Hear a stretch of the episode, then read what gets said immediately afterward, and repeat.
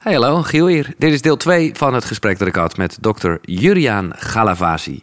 Van klacht naar kans heet zijn boek. Ik mag hopen dat je deel 1 eh, gecheckt hebt, anders is het een beetje gek dit. Het gaat namelijk door op kiezen tussen je hoofd en je hart. Het ochtendritueel, ik was de vraag vergeten te stellen, kom nog langs.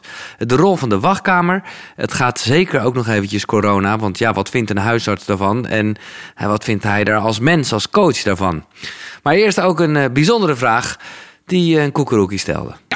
Nou, mijn naam is uh, Inge van Helden en ik heb het geluk dat ik een van de trainingen bij Juriaan heb uh, mogen volgen. Um, nou, waar ik ook zelf heel benieuwd naar ben. Ik volg Juriaan ook op uh, de social media. En ik zie ook dat hij ook meer, meer, meerdere daagse trainingen geeft. Ook echt meer waar, waar je zelf ook bij bent geweest, mm -hmm. Giel. En wat ik mij afvroeg, ehm, hoe doe je dat, Juriaan? Als jij zelf zo'n driedaagse training hebt gegeven, dat doe je echt in een groep van misschien wel 15 mensen volgens mij. Hoe zorg jij er nou voor dat jij zelf niet drie dagen nodig hebt om bij te komen na zo'n driedaagse training? Dat je niet helemaal leeg bent. Ja, ja. ja dat je niet helemaal leeg bent. Nou, um, laat ik beginnen met een uitspraak die ik uh, officieel eigenlijk niet eens echt van mezelf heb. Van een goede vriend Remco, met wie ik ook uh, het paragliden en skiën doe. Mm -hmm. En uh, die zei op een gegeven moment van als het op werken begint te lijken, dan moet ik ermee stoppen. En dat heb ik overgenomen. En zo voelt het ook. Als het op werken begint te lijken, dan uh, kap ik ermee. En um, dat betekent niet dat ik soms een, een, grens overga en dat het gaat voelen als werken. Maar dan kijk ik wel hoe snel ik weer bij kan sturen. En die, die drie dagen, ja, natuurlijk kost dat energie. Maar wow, weet je, daar krijg ik echt zoveel voor terug. En um, nou, één, misschien twee dagen rustig aan en um, full focus op mezelf. Mm -hmm. En dan. Ja, want al die energie, want iedereen zit daar natuurlijk met zijn eigen verhaal en met zijn eigen ding. Want je, je meldt jezelf niet voor niets aan met zo'n ja. met zo'n training. Um, voel je die energie dan ook van die mensen? Of hoe, hoe, wat... Ja, maar je zegt het mooi, ja. want het is hun energie, het is niet van mij. Oh, mooi, ja.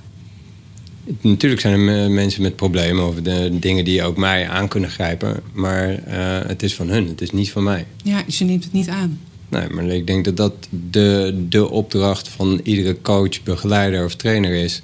Dat die, uh, daarom is het waardevol om eerst heel goed met jezelf aan de slag te gaan. Dat je dat 100% op poten hebt, zodat je in staat bent om onder iedere omstandigheden op je eigen plek te blijven zitten. Ja. En, en dat vind ik ook mooi, want daarom kom je soms echt bikkelhard over. Of nou ja, bikkelhard, dat is ja. bijna alsof je het erom doet, maar dat is zeker niet zo. Nee, nee, nee, nee maar, maar wel... wel alles uit de kast om ervoor te zorgen dat uh, jij bij jou komt. Ja. En um, ja, daarvoor heb ik als opdracht dat ik niet leuk, lief, aardig uh, gevonden hoef te worden. Hm. En natuurlijk vind ik het fijn als iemand mij wel lief, leuk en aardig vindt. maar uh, het is niet per se nodig. Nee, en daardoor ga je ook niet mee in de emoties van een ander. Nee. Nee.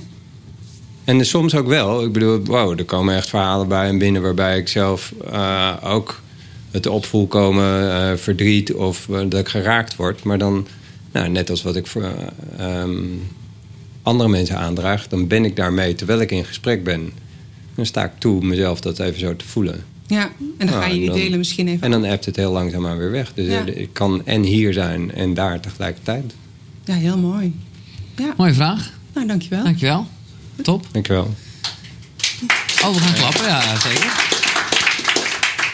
Iemand anders die een vraag heeft.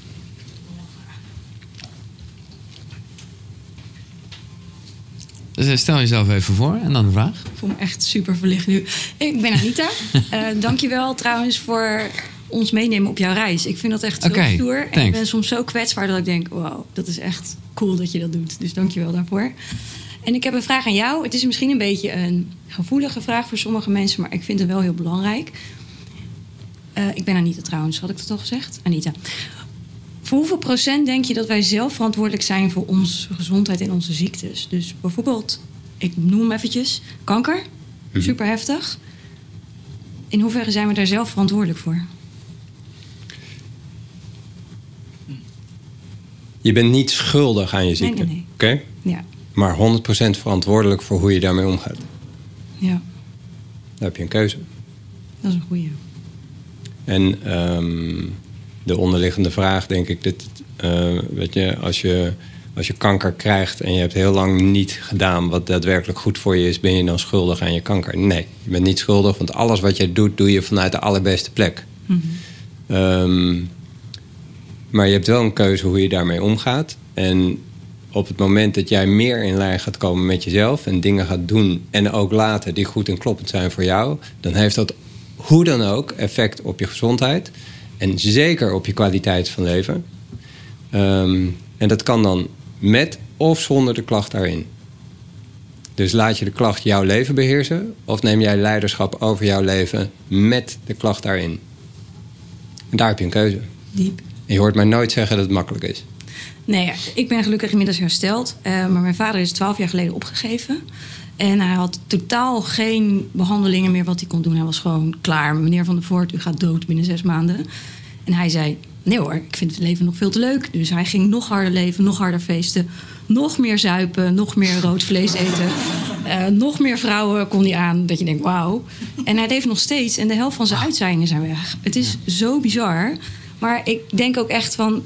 als mensen dit misschien meer zouden kunnen omarmen of zouden zien... Ja, het is echt een bijzondere, bijzondere uitspraak, dat snap ik wel. Maar zouden dan minder mensen kanker hebben of zo? Ik heb geen flauw idee. Ik ook niet. Maar het zou zo fantastisch zijn. Ik heb geen flauw idee. Nee, ik ook niet. Hadden we het antwoord maar. Nee. Niet? Nee. Oké. De kunst is om te leren leven met de onzekerheid.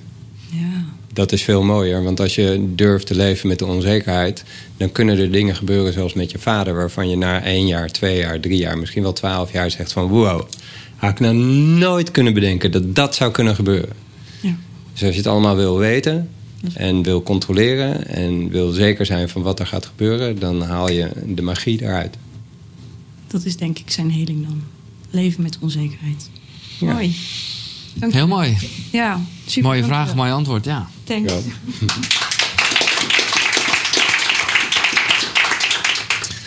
Hi, ik ben Nini en ik heb eigenlijk een vraag, eh, ja, ook over deze tijd, hè, corona, wat ons een soort overvallen is in maart, waar we intussen steeds meer over weten. Onder andere dat er bepaalde risicogroepen zijn. En ehm, ja, zeker voor die risicogroepen is het devies nu bijna van eh, blijf in je hok, doe niks en zorg eh, hè, dat niemand je kan besmetten. En voor mijn gevoel wordt er best wel heel veel angst gecreëerd. En die mensen hebben het gevoel, eh, we wachten op het vaccin, want iets anders is er niet. En ik denk, en als ik jou zo hoor, is er ook heel veel anders. Maar wat ik lastig vind, is dat in de media ja, daar heel erg op gestuurd wordt. En het stukje van in plaats van bang zijn om ziek te worden en wachten op het vaccin, wat kun je doen om zelf eh, gezond te blijven en je leven zo goed mogelijk te blijven leven op de manier die goed voelt voor jou? Ja, daar moet je soms een beetje ruimte voor nemen. En niet iedereen die eh, kan en wil dat. Dus ik vroeg me af hoe jij daarnaar keek. En wat is dan precies je vraag? Nou, papa Rutte en meester De Jonge... die geven heel veel adviezen en maatregelen... met en zonder boetes en grapperhausjes. Dus langzamerhand weet je ook niet meer helemaal van... ja, wat moet je geloven? Dus ik heb dan wel het gevoel van... ja, hè, eh, voel of, of ja, gebruik je verstand, beide. Wat, wat voor jou goed voelt... Ehm, maar daarmee ga ik wel eens in tegen eh, al die regeltjes en adviezen. En ik, Dus wat is je vraag? nou, eh, wa- wat jij, ehm, of jij denkt van we moeten wachten op dat advies, eh, dat vaccin, want dat wordt onze redding, of dat je andere wegen ziet. Nou, we hebben op dit moment hebben we 17 miljoen virologen in Nederland. Oké? Ja. Dus ehm, de vraag is of mijn mening daar daadwerkelijk aan bijdraagt. Dus eh, ik wil eigenlijk jouw vraag beantwoorden met een wedervraag. Van in hoeverre draagt mijn antwoord en hoe ik daarnaar kijk bij aan jouw eh, welbevinden? Als ik jou hoor zeggen, hè, ehm, die angst die mag er zijn, maar eh, waar verlang je naar? Hè? Dat is eigenlijk veel waardevoller. Ehm, nou, dan ga ik, eh, of dat doe ik eigenlijk al wel, stiekem. Eh, maar daarmee loop je wel weer een, een, ja, een groter risico misschien. En ik vind dat dan soms wel lastig om dat af te wegen. Ja, en mag het lastig zijn? Ja, dat is een goeie. ja. Of zeg je eigenlijk diep van binnen van nou, eh, ik wil het gewoon weten, ik wil weten waar ik aan toe ben? Of is de lastigheid Nee, oké? De lastigheid is de, de voortdurende strijd en discussie van al die De 17 strijd en de onzekerheid, mensen. de strijd waartegen? Nou, dat je wel eens ongehoorzaam wil zijn en dat dat eh, dan niet in dank wordt afgenomen. Dat... Nou, moet iemand jou waarderen? Nee. Dus, wat is het probleem dan? Ja, soms ben je een beetje afhankelijk van iets, maar dat uh, lost zich dan ook wel weer op. Ja. Eigen vraag beantwoord. Dankjewel. Oké. Okay. je krijgt ook. Ja, zeker. Maar vind je het een moeilijk onderwerp? Ik heb het bewust niet aangesneden hoor. Ik vind het een fucking lastig onderwerp. Nee, dat is het ook. Maar wat ik zeg, er zijn zoveel mensen met zoveel meningen. Uh, ik ben geen viroloog, ik weet het niet. Ik heb daar een persoonlijke mening over. Maar dat, uh, ik denk dat het per persoon heel erg uh, verschilt. Ja. Um, en dat, dat dit echt de taak is voor ieder van... oké, okay, hoe ga ik hiermee om? En uh, wat is hierin kloppend voor mij? Mooi. Uh, volgende vraag. Nou, dat uh, hebt niemand. De, dat, ja, kom maar naar voren. Leuk. Nou, geen vraag, eigenlijk een opmerking. Een opmerking, ook goed. Suggesties? Stel jezelf even voor. Mijn naam is Judith. En um, het stukje waarin je het had over uh, kiezen met je hoofd of kiezen met je hart. Wat voor mij heel goed werkt, en ik heb het niet zelf bedacht, komt uit een cursus in wonderen. Ik weet niet of je dat kent. Dikke pil, 1300 bladzijden in de jaren 50 uh, binnengekomen als automatisch schrift bij een uh, Amerikaanse psycholoog die atheïstisch was. En ze heeft jarenlang geprobeerd die stem te negeren, maar ze is uiteindelijk toch maar gaan schrijven. Maar een van de dingen die in de cursus in wonderen staat, uh, is als je het niet weet, vraag je dan af wat liefde zou doen. En liefde is niet per se kiezen met je hart. Liefde kan ook uh, voelen hè, van ik ga iets wel doen. Want ik, uh, ik heb het idee dat ik mijn grens hier moet bewaken. Hè? Dus dan, dan combineer je eigenlijk en hart en hoofd. Dus voor mij is dat een hele mooie om als ik iets niet weet, om dan te bedenken en mezelf af te vragen: wat zou liefde nu doen? En dat is het tegenovergestelde van wat angst zou doen. En dan wordt het heel veel simpeler om te kiezen. En dat Mooi. wilde ik zeggen. Mooi. Dankjewel. Ja. Ja, graag gedaan. Krijg je ook applaus. Ja, zeker. Uh, ja, ik wil toch echt iedereen de kans hebben gegeven om toch uh, iets te zeggen. Iets te vragen. Heel goed, zie je wel. Al is het alleen maar om aan te geven dat er ook mannen zijn hier. Ja, die zijn er ook. Hi, Stel jezelf even. Ja. Uh, ik heb een vraag over de rol als huisarts en een huisartsenpraktijk. Veel mensen die komen naar de huisartsenpraktijk met hun klachten. Uh, wat denk je dat de rol van de wachtkamer is? Wachten. maar wat bedoel je daarmee? Dat, ik kan me voorstellen dat sommige huisartsen. Ik, ik heb het gevoel dat jij altijd in beweging bent. Dus jij zult misschien een, uh, een kortere wachttijd hebben. Ik heb bijvoorbeeld een huisarts waarbij uh, die, uh, die de tijd neemt. En waarbij je makkelijk een, een, een half uur kunt wachten voordat je eigenlijk ingeplande afspraak er is. En dat maakt dat je als patiënt of iemand met klachten. dat je natuurlijk jezelf afhankelijk houdt misschien van de huisarts. En dat je op het moment dat je in die wachtruimte zit, dat je gaat nadenken. Heeft dat, denk je, een rol op je, je ziektebeeld en ook zou het bijdragen aan een oplossing? Ik zeg, snap ik je vraag niet helemaal. Uh, even kijken of ik het goed begrijp. Dat je zegt van nou, als iemand wat langer in de wachtkamer zit Aha. en de mogelijkheid heeft om daar even niks te doen, zodat hij de mogelijkheid heeft om even met zichzelf in contact te komen en die vraag te stellen, of dat, mm -hmm. of dat zou kunnen helpen. Ja, precies. Ja. Nou, op het moment dat iemand meer in contact komt met zichzelf door wat langer te wachten en niet de hele tijd in de running te zijn, zou dat bijdragen? Nou, misschien wel, omdat je jezelf dus eigenlijk uh, uh, in een positie zet waarbij je uh, verantwoordelijkheid kunt nemen. Ja. Heb je een antwoord op je vraag? ja. ja. Oké. Okay. Ja, duidelijk, dankjewel. Het is. Um, oh, er wil hier iets, nog iets anders. Wat wil ik hier zeggen? Um, ik, ja, dat is het. En dit is niet alleen uh, voorbehouden aan de wachtkamer. Mm -hmm. De kunst is natuurlijk om. Uh, en het is zelfs niet voorbehouden aan hoe de huisarts of welke dokter dan ook zijn spreekuren en wachttijden heeft ingericht. Aha. Dit is natuurlijk de verantwoordelijkheid van ieder voor zich. Om niet te wachten totdat je naar de dokter gaat in de hoop dat je daar een wachtkamer hebt waar je even moet wachten. Aha. Maar dat je eigenlijk nou, misschien wel wachtkamers in je eigen leven creëert waarin je de momenten eh, ervoor zorgt dat je momenten in je leven hebt waarin je durft te wachten en de blik naar binnen durft te werpen. Hmm, ja. Hier komen we. Dit is, ik glijm er zo in, dat is top. Want ik, ik ben namelijk één vraag vergeten. die ik echt vanaf de allereerste aflevering eh, wel gesteld heb. Maar omdat ik blijkbaar, eh, als ik het antwoord weet. dan is de oprechte interesse er niet meer. Terwijl ik wel echt weet dat het heel belangrijk is. Wat is jouw ochtendritueel? Ah ja, oké.